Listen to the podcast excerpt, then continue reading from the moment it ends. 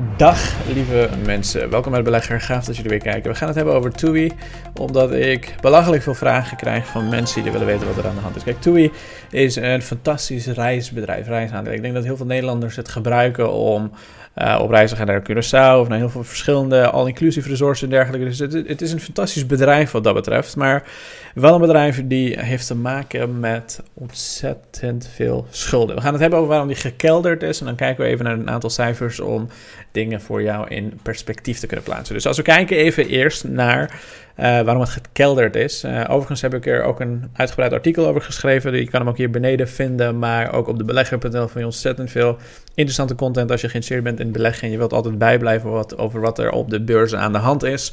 Maar TUI die heeft, ondanks dat ze goede resultaten hebben neergezet hè, afgelopen jaar, die, die cijfers gaan we zo doornemen, daalden ze op de beurs met pakweg 50% gisteren. Als we kijken naar even deze chart, dan ziet het er heel erg ugly uit. Het is echt lelijk dat het zo'n 55% blijft zakken. En als we kijken naar eh, de afgelopen zes maanden, zie je toch wel dat sinds oktober er, een mooi 72% stijging was. Dus dit is wel pijnlijk, denk ik, voor de mensen die de afgelopen tijd TUI gekocht hebben. En we gaan bespreken of TUI misschien wel een interessante belegging zou kunnen worden, zijn ja of nee. Ik, ik zal in ieder geval mijn gedachten erover geven. Um, maar goed, laten we even beginnen met wat er precies aan de hand is geweest. Kijk, TUI, um, die wilde, wilde, wilde uh, 1,9 miljard euro ophalen om hun schulden af te kunnen lossen en hun toekomstige groei te kunnen faciliteren. En het begon allemaal met zo'n prachtige LinkedIn-post van Matthias Kiep. Dat is de CFO, oftewel de Chief Financial Officer van TUI, ontzettend positief en mooi begint met very, very proud that we have launched our intended 1.8 billion dollars capital raise this morning. Ik had overigens 1,9 miljoen, daar staan we dus 1,8. Uh, 1,9 miljard staan we dus 1,8 miljard. Ik ga hem zo meteen wijzigen, maar dan weet je dat alvast. On the back of our strong operational recovery, and following an intense journey of preparation, most recently our AGM in February en de 10 to 1 stock, um, stock split. Ze hadden een uh, aandeel gesplitst, maar dan andersom. Hè. Vaak uh, zie je dat een aandeel te veel stijgt en dan splitsen ze hem om, dat, om het wat goedkoper te laten lijken en voor meer mensen beschikbaar te laten stellen. In dit geval ging het zo hard omlaag dat het een penny stock werd. En ze hebben dus een reverse 10 to, 10 to 1 stock split gedaan om in ieder geval die stocks de, het, de waarde wat boven, de, boven die 1 euro te krijgen. Wat overigens ook gewoon een heel duidelijk teken is dat er iets aan de hand is in het bedrijf. Ze, proberen het anders te laten lijken dan dat het is. Um, maar als je dit zo leest, denk je van wow, zij zijn very proud. Als je al die comments leest, congrats, congrats, congrats, congrats. Dan zou je zeggen, er is niks aan de hand. Maar er is wel degelijk iets aan de hand. Kijk, wat TUI in dit geval doet, heel simpel, als we even terug gaan naar dit artikel. Dan zie je dat ze uh, eh, 328 miljoen nieuwe aandelen uitkeren die ze tegen een prijs van 5,55 euro per stuk uh, verkopen. En het aandeel zat natuurlijk in februari op 21 per stuk. Dus tegen zo'n klein prijs verkopen, uh, dat brengt natuurlijk schade mee voor, uh, voor de beleggers. Er komen meer aandelen uh, vrij, waardoor heel veel beleggers die al in TUI zitten, zeker deze mensen die in deze periode flink hebben bijgekocht en zichzelf rijk rekenden, ja, die worden flink verwaterd. Dus die worden minder eigenaar van het bedrijf en daarmee krijgen ze simpelweg de rekening voor zich geschoteld die uh, waartoe hij het verprutst heeft. Ook, laat even kijken naar wat die cijfers zijn. In 2021 maakten ze 2,4 miljard, 2,5 miljard verlies. 2,5 miljard verlies. Dat, dat, dat is best wel, best wel gigantisch. In dit jaar hebben ze dat terug kunnen brengen naar 145 miljoen verlies. Dus je zou kunnen zeggen, ze zijn op de juiste weg om winstgevend te kunnen worden.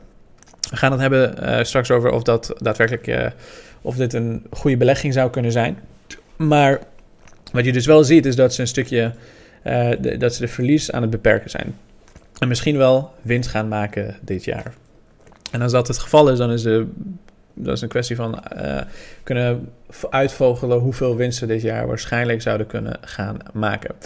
Als we even verder gaan en we kijken even naar de balance sheet, oftewel de balans. Dan zien we een aantal interessante dingen. Een van, de, van die interessante dingen is dat ze cashflow positief zijn. Dus we hebben bijvoorbeeld Van, ze zijn, de cashpositie is van 1,5 miljard naar 1,7 miljard gegaan.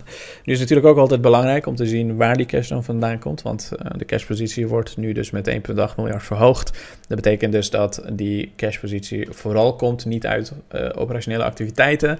Niet uit de activiteiten van het bedrijf zelf, maar uit uh, financiering. In dit geval door aandeelhouders te verwateren.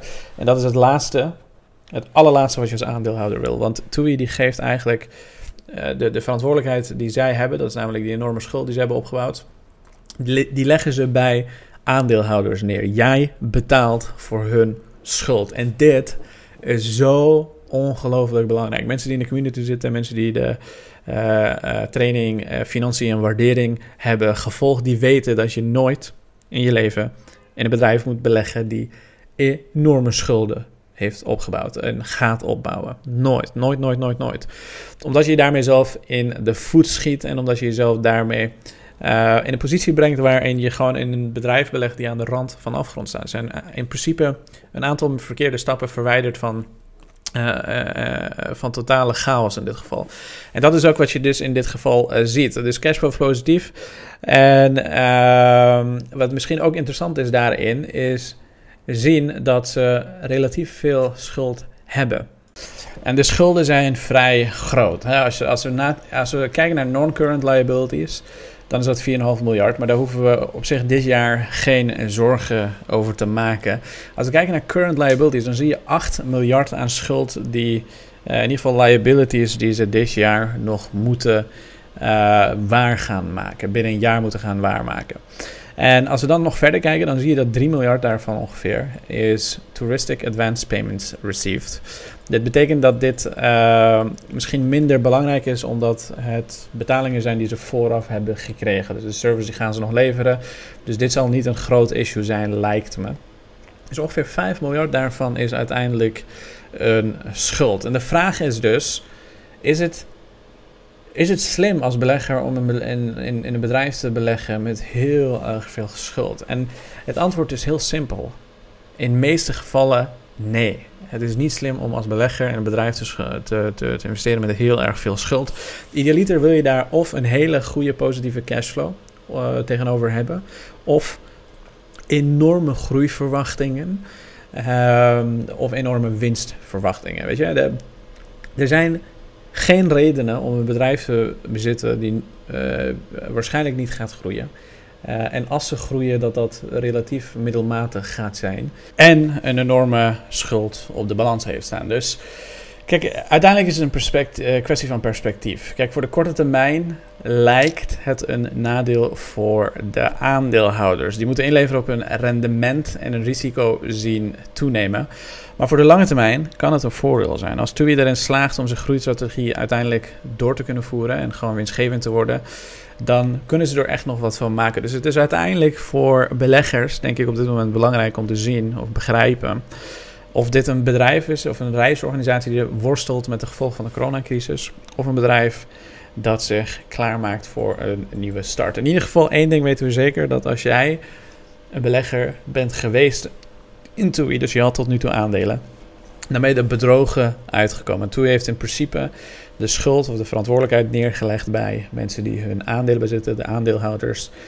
En ik weet het niet. Ik, ik vind dat niet getuigen van goed management. Ik uh, zou persoonlijk, voor mij persoonlijk dan, en dat moet iedereen voor zichzelf uh, uitzoeken, zou ik echt compleet wegblijven van dit soort bedrijven. Ik, ik zit liever in cashflow positieve bedrijven.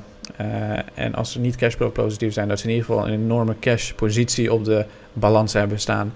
Heel weinig schuld hebben en die groeiperspectieven hebben van hier tot en met Tokio. En daarmee heb ik je hopelijk een beetje een beeld kunnen geven bij wat hier aan de hand is. Als je dit soort content leuk vindt, laat even een like achter, support dit kanaal en ga even naar de belegger.nl om meer te leren over alles wat er met die financiële markten aan de hand is. En ik zie je bij de volgende video.